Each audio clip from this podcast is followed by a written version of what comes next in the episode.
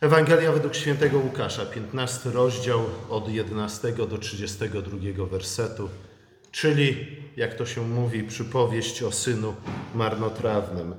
W gruncie rzeczy syn marnotrawny jak najbardziej zasługuje na miano syna marnotrawnego i w znacznej mierze krytyka, jaką jego starszy brat przedstawia w stosunku do syna marnotrawnego jest słuszna.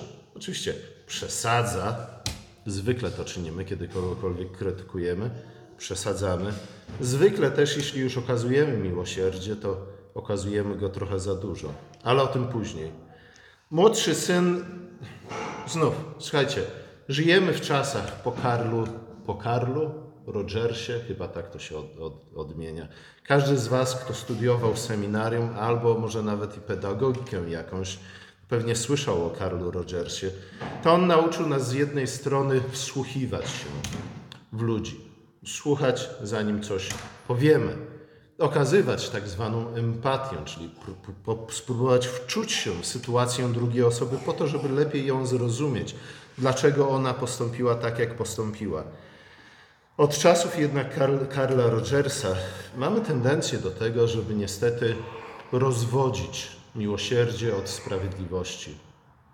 Okazujemy tylko i wyłącznie miłosierdzie, które jest pozbawione sprawiedliwości, ale z kolei co najmniej od czasów świętego Tomasza z Akwinu powinniśmy wiedzieć, że jeśli to czynimy, to niszczymy jedno i drugie. Miłosierdzie bez sprawiedliwości przestaje być miłosierdziem, a sprawiedliwość bez miłosierdzia nie jest już sprawiedliwością. Ta przypowieść między innymi o tym nam przypomina.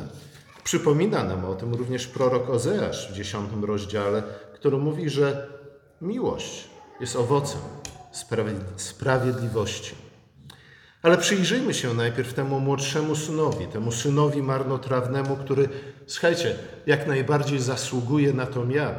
Jeśli, nie, jeśli uznamy syna marnotrawnego tylko i wyłącznie za ofiarę losu, za ofiarę takich czy innych zwyczajów, tradycji, czy też genów przekazanych mu przez jego ojców, matki i tak dalej, to w ogóle nie zrozumiemy, o co chodzi w tej przypowieści. Będzie niewinną ofiarą. Ale słuchajcie, syn marnotrawny jak najbardziej zasłużył na swój los. Nie mógł się doczekać, żeby dostać w końcu swoją część spadku od ojca. Jako młodszy otrzymał mniejszą część. Z grubsza to było dzielone, jeśli to było dwóch braci, w stosunku dwa do jednego. Dwie części otrzymywał starszy, jedną młodszy. I kiedy tylko otrzymał ten majątek, najwyraźniej był, był on dość spory, wiemy to z opisu domostwa jego ojca, co zrobił? Kupił bitcoiny? Nie. Zainwestował w akcje? Nie. Kupił kawałek ziemi, posadził kartofle? Nie. Pojechał do dalekiego kraju.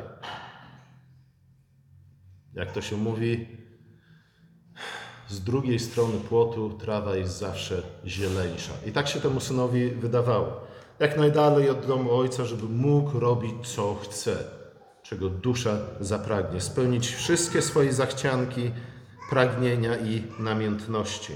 I oczywiście musiał opuścić dom ojca ze względu na to, że pod okiem ojca być może trochę głupio by było mu to robić, co robił w tym dalekim kraju. Młodszy syn od samego początku jest więc ukazany przez samego Chrystusa w złym świetle, jako człowiek leniwy i nieodpowiedzialny, a z drugiej strony chciwy i pozbawiony szacunku do Ojca. Generalnie rzecz biorąc, winny złamania co najmniej dwóch przykazań, mówiących z jednej strony o szacunku dla ojca i matki, a z drugiej strony, powiedziałbym, przykazanie zakazujące kradzieży. Nie będę tutaj wyjaśniał, w jaki sposób ta przypowieść łączy się akurat z tym przykazaniem, nie kradnij, ale może i tak to zobaczycie. Słuchajcie, młodszy syn odchodzi do dalekiej krainy i szybko trwoni całe dziedzictwo. Najwyraźniej nie zajmował się pracą. Jest takie stare angielskie przysłowie, które w naszym języku brzmi mniej więcej w ten sposób. Bezczynne ręce są placem zabaw dla diabła. Słuchajcie, zwykle tak jest. Bezczynność wystawia nas tym bardziej na pokusy diabła, którym tym chętniej ulegamy. I znów Dawid i jego afera z Batrzebą jest bardzo dobrym przykładem dokładnie tej zasady. Z drugiej strony, nie powinno nas również dziwić, iż ten syn bardzo szybko roztrwonił cały swój majątek, który otrzymał od ojca.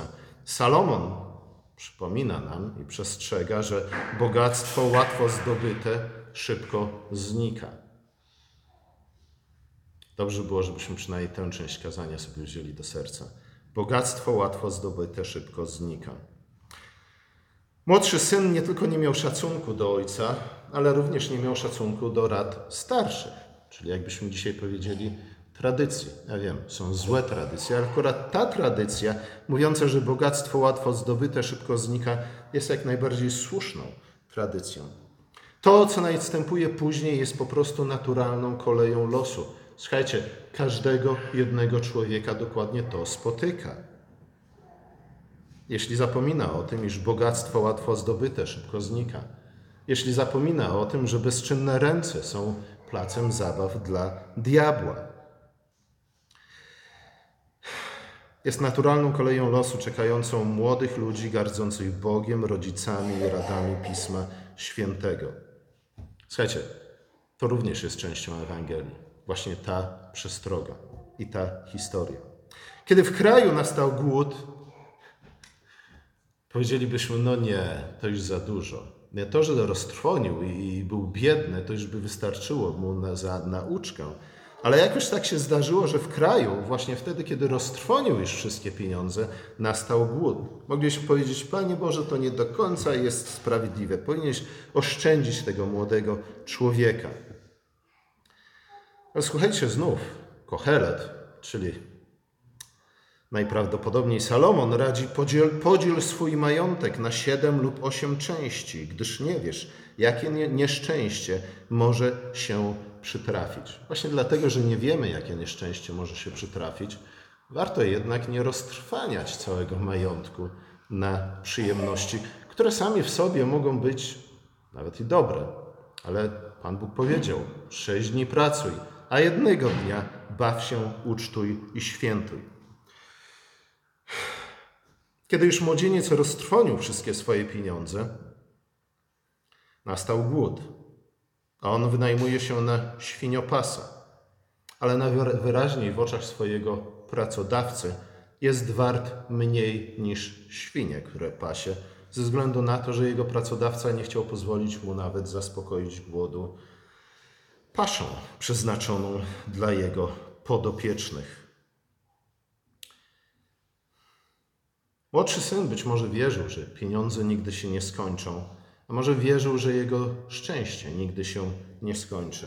Może wierzył w to, że żadne nieszczęście prawdziwe nigdy go nie spotka.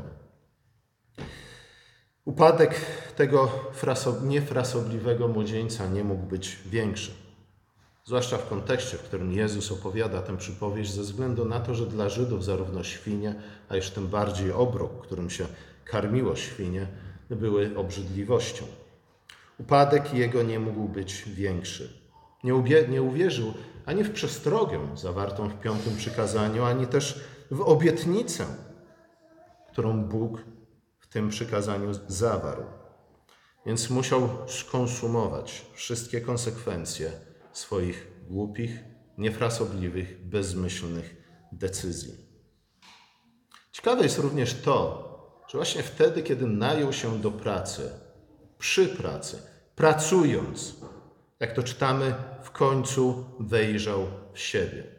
Być może to jest przypadek, ale wydaje mi się, że nie, ze względu na to, że Pismo Święte bardzo często ukazuje nam ludzi właśnie przy pracy, kiedy Bóg do nich przemawia, kiedy Bóg powołuje ich do wielkich dzieł, kiedy Bóg objawia im swoją prawdę.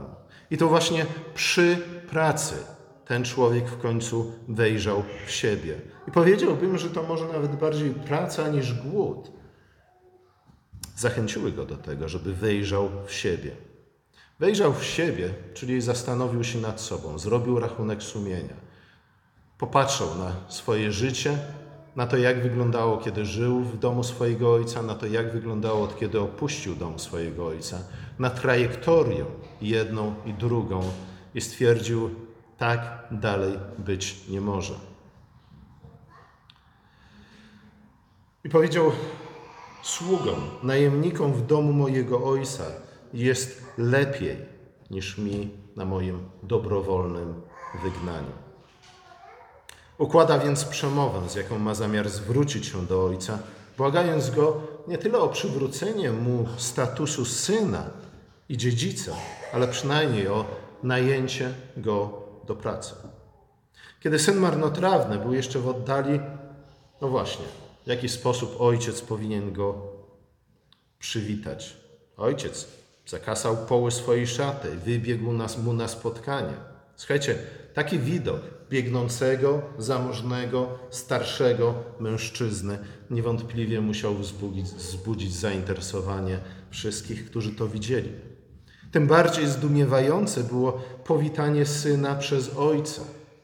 Rzucił mu się na szyję, pocałował, zanim jeszcze syn był w stanie cokolwiek powiedzieć. I słuchajcie, to jest również bardzo ważna część tej przypowieści. Ba, to jest bardzo ważne dokończenie wszystkich trzech przypowieści z 15 rozdziału Ewangelii Łukasza, ze względu na to, że jak zapewne pamiętacie, te dwie przypowieści, nie, te trzy przypowieści występują razem i wszystkie razem są właśnie odpowiedzią na zachowanie faryzeuszów i uczonych w piśmie. A więc tych, którzy uważali się za mądrali największych, którzy pozjadali wszystkie rozumy, którzy uważali, że kto jak kto, ale oni są posłuszni Bogu od początku do końca. I oni właśnie zaczęli czynić Jezusowi wyrzuty z powodu tego, że Jezus i zasiadał do stołu i wspólnie jadł razem z celnikami i grzesznikami. Słuchajcie, gdyby to byli po prostu celnicy i grzesznicy, być może coś w tej krytyce faryzeuszów i uczonych w piśmie byłoby na rzeczy. Ale jak Łukasz wyraźnie stwierdza, ci celnicy i grzesznicy garnęli się do Jezusa nie tyle po to, żeby napełnić swoje brzuchy. Ba, wiemy, że niektórzy z tych celników, jak na przykład Mateusz, to on napełnił brzuch Jezusa, ponieważ to on przygotował ucztę dla niego. Nie, oni garnęli się ze względu na to, że widzieli w Jezusie jedyną nadzieję na zmianę swojej sytuacji, swojego położenia. Byli to bowiem pokutujący grzesznicy i celnicy. I właśnie to słowo pokutujący jest tutaj kluczowe, żebyśmy zrozumieli, że z jednej strony krytyka syna marnotrawnego jest jak najbardziej słuszna. Nie powinniśmy tylko i wyłącznie biadolić nad nim. O, biedny, o, pobłądził, o, tak mu się w życiu ułożyło. A już tego głodu to na pewno nie jest winien. Jest winien. To, że był głodny w czasie głodu, to było tylko i wyłącznie jego wina, a nie obiektywnych okoliczności. Ale nie możemy poprzestać na tej krytyce. Jak najbardziej słusznej, zdrowej i uzasadnionej. Właśnie ze względu na to jedno słowo pokutujący grzesznik. Ponieważ syn wraca do domu właśnie jako pokutujący grzesznik. Zrozumiał, co uczynił źle, zrozumiał, że skrzywdził ojca, zrozumiał, że złamał Boże przykazania. I właśnie jako taki wraca do domu ojca. Że z drugiej strony ojciec rzuca mu się na szyję i całuje, zanim jeszcze syn cokolwiek powiedział. Słuchajcie, to jest zastanawiające, na jakiej podstawie ojciec mógł przypuszczać, że syn przychodzi jako syn pokutujący, że syn marnotrawny stał się pokutującym grzesznikiem. Być może wrócił do domu ojca tylko i wyłącznie po to, żeby wziąć jeszcze więcej pieniędzy i znów trochę pochulać. Ojciec nie mógł, nie mógł być tego pewien. Ja wiem, że w ostatecznym rozrachunku obraz Ojca z tej przypowieści jest obrazem Boga Ojca, który wszystko wie, ale ten Ojciec, słuchajcie, mimo wszystko po raz drugi okazuje mu miłosierdzie. Po raz drugi daje mu kredyt zaufania. Okazuje mu miłość, oczekując w zamian zaufania i wdzięczności. I rzeczywiście to otrzymał syn wypowiedział nie całą przemowę, którą sobie ułożył, siedząc przy świniach, ale wyznał swój grzech, pokutował, przeprosił ojca i Boga za to, co uczynił. I ojciec nie tylko już, że ucałował go, rzucił mu się na szyję, ale dał mu również szatę i pierścień i sandały, a następnie kazał przygotować wystawną ucztę właśnie dla tego syna. A to z tego powodu, że jak powiedział, ten syn mój był martwy, a ożył, zaginął, a odnalazł się. Był- martwy w sensie metaforycznym, ale jak najbardziej również rzeczywistym i dosłownym. Był martwy ze względu na to, że odrzucił dokładnie to wszystko, co prowadziło go do życia. I to nie tylko życia doczesnego, ale również do życia wiecznego. Był martwy, zginął, ale ożył i odnalazł się. Tak jak ta zagubiona drachma, tak jak ta zagubiona owca z dwóch wcześniejszych przypowieści. Wszystkie one cie- kończą się na, w ten sam sposób. Wielka radość i uczta, ponieważ to, co zginęło, odnalazło się, ponieważ to, co umarło, ożyło. Poprzednie dwie przypowieści Jezusa o drachmie i o owcy kończą się właśnie na wielkiej uczcie.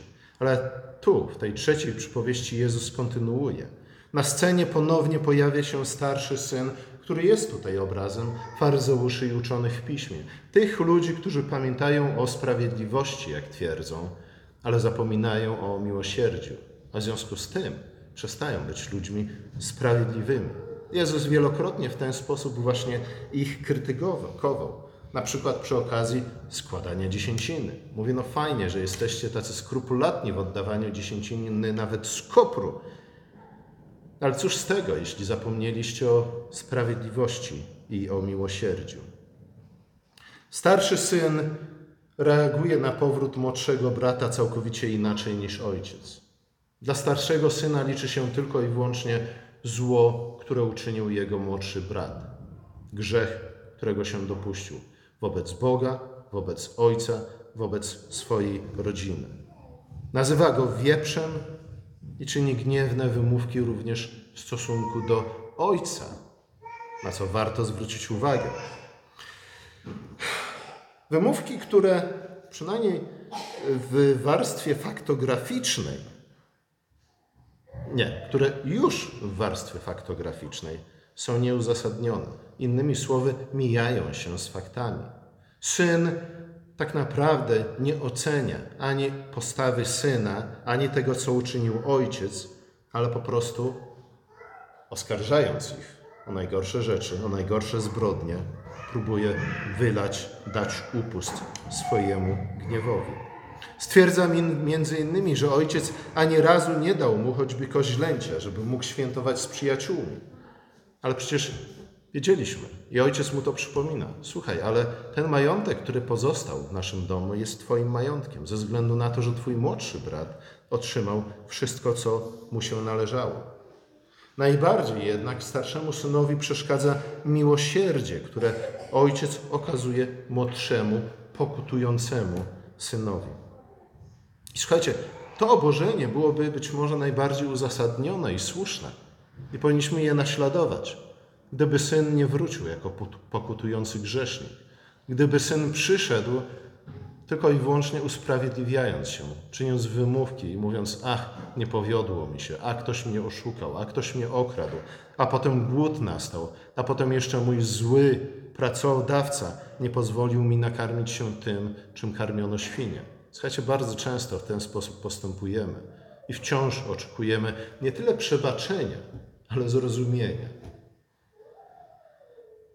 Czasami rzeczywiście nieszczęścia, które nas spotykają, są spowodowane kompletnie przez inne czynniki, które są poza nami i poza naszą kontrolą. Ale bardzo często tak nie jest. Więc wtedy, kiedy rzeczywiście jesteśmy winni naszych grzechów, naszych upadków, powinniśmy raczej nie tyle usprawiedliwiać się, nie tyle tłum- tłumaczyć, ale raczej wyznawać grzechy i pokutować dokładnie tak, jak czyni to marnotrawny syn. Starszemu synowi przeszkadza najbardziej miłosierdzie okazane przez ojca młodszemu synowi. Starszy syn zatem znów okazuje się być tym, który łamie piąte przykazanie. Tym, który okazuje brak szacunku i to nawet w gorszy i większy sposób w stosunku do swojego ojca niż młodszy syn na początku historii. Choćby z tego względu, że był starszy. Więc teoretycznie powinien być bardziej dojrzały. Choćby z tego względu, że to on właśnie ukazuje się jako ten, który stoi na straży prawa i sprawiedliwości, jako ten, który pilnuje Bożego porządku, w życiu nie tylko swoim, ale też w życiu swojego młodszego brata, a teraz musi pilnować porządku Bożego również w życiu swojego ojca. Niemniej jednak czyniąc nieuzasadnione wymówki, zwłaszcza ze względu na miłosierdzie, jakie ojciec okazał młodszemu, pokutującemu marnotrawnemu synowi, okazuje się być tak naprawdę gorszym synem niż ten młodszy. Ze względu na to, że okazuje jeszcze większy brak respektu dla ojca, niż uczynił to młodszy syn na początku historii. Zdecydowanie również odmawia, odmawia udziału w uczcie ku czci marnotrawnego brata, który powrócił do domu. Dystansuje się emocjonalnie, ale również fizycznie od brata i tym razem również od ojca. Znów, dlaczego? Ponieważ okazał miłosierdzie pokutującemu grzesznikowi. Ojciec jednak cierpliwie. Tak jak okazał cierpliwość i miłosierdzie młodszemu bratu, tak okazuje również cierpliwość i miłosierdzie starszemu bratu, kiedy po raz drugi wyjaśnia mu powód, dla którego urządził ucztę dla młodszego syna. Słuchajcie, i tu przypowieść się kończy. Nie wiemy, czy starszy syn w końcu przyszedł na ucztę i radował się z tego powodu, że jego brat był martwy, a ożył, zaginął, a odnalazł się. Słuchajcie, to otwarte zakończenie jest tak naprawdę zaproszeniem. Z jednej strony dla faryzeuszów i uczonych w piśmie, żeby jeszcze raz zastanowili się, czy przypadkiem występując w roli starszego brata, nie okazują większego braku szacunku w stosunku do Pana Boga, niż ci pokutujący grzesznicy i celnicy.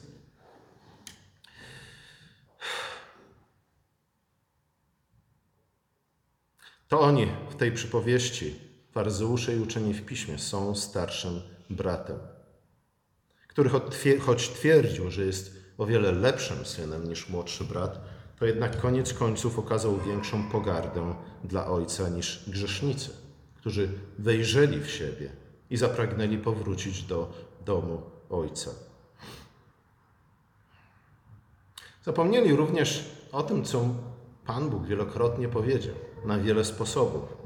Księdze Ezechiela między innymi czytamy, czy pragnę rzeczywiście śmierci bezbożnego, wyrocznia Pana Boga, czy raczej tego, aby się odwrócił od swego postępowania i żył. Słuchajcie, bardzo ważne są te słowa, ze względu na to, że one przypominają nam, iż nawet wtedy, kiedy Pan Bóg przychodzi do nas ze swoim sądem, to czyni to ze względu na swoje miłosierdzie, ze względu na to, że nas kocha, ze względu na to, że Mu zależy na naszym powodzeniu, na życiu.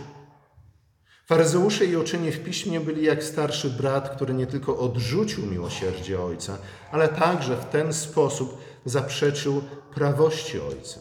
Nazwał ojca człowiekiem być może miłosiernym, ale niesprawiedliwym. Zarzucił mu niesprawiedliwość właśnie dlatego, że ojciec okazał miłosierdzie pokutującemu synowi, podczas gdy sam fałszywie oskarżył ojca o pozbawienie go możliwości świętowania z jego przyjaciółmi. Tak to bywa, że ten, kto walczy z miłosierdziem, powołując się na sprawiedliwość, zwykle sam okazuje się być wrogiem jednego i drugiego. Z drugiej strony musimy pamiętać o tym, że bez sprawiedliwości nie ma miłosierdzia. I znów Ozeasz, dziesiąty rozdział. Zasiejcie sprawiedliwość, aby zebrać miłosierdzie. Jeśli odrzucamy miłosierdzie, to w pewnym sensie żądamy, aby Bóg dał nam wszystkim to, na co zasługujemy tu i teraz. Jeśli odrzucamy Boże miłosierdzie i gardzimy Bożym miłosierdziem, to prosimy Boga, aby On osądził nas tu i teraz, dokładnie takimi, jacy jesteśmy. Pytanie, czy dobrze na tym byśmy wyszli? Być może właśnie dlatego ludzie, którzy są tak bardzo zadłufani w sobie, iż nie widzą w swoim oku nie tylko że belki, ale też żadnego źdźbła ani nic podobnego, którzy przesadzają komara, połykają wielbłąda. Może właśnie dlatego tacy ludzie walczą z miłosierdziem, ponieważ myślą, że są doskonali, co najmniej tak samo jak Pan Bóg, Jezus Chrystus i Duch Święty. Słuchajcie, nie garćmy Bożym miłosierdziem, ze względu na to, że On nam okazuje je każdego dnia. nie jesteśmy jeszcze doskonali. Daleko nam jest do miary Chrystusowej. Wciąż jeszcze jesteśmy pod wieloma względami tylko i wyłącznie dziećmi. Nie każda nasza decyzja i nie każdy nasz osąd jest słuszny i prawdziwy i sprawiedliwy. Biada nam, jeśli miłosierdzie okazane przez Boga pokutującym grzesznikom prowadzi nas do gniewu i zgorzknienia. Lepiej jednak, ja bym powiedział, mylić się na korzyść miłosierdzia raczej, zwłaszcza w tym życiu, ze względu na to, że nie do końca wiemy, dlaczego to czy tamto przydarzyło się tej czy innej osobie. Dlatego w pewnym sensie Carl Rogers miał rację. Zanim wydamy osąd, zanim przyjdziemy z dobrą radą, powinniśmy jednak na tyle, na ile to jest możliwe, zrozumieć sytuację osoby, z którą rozmawiamy i z którą mamy do czynienia. Amen.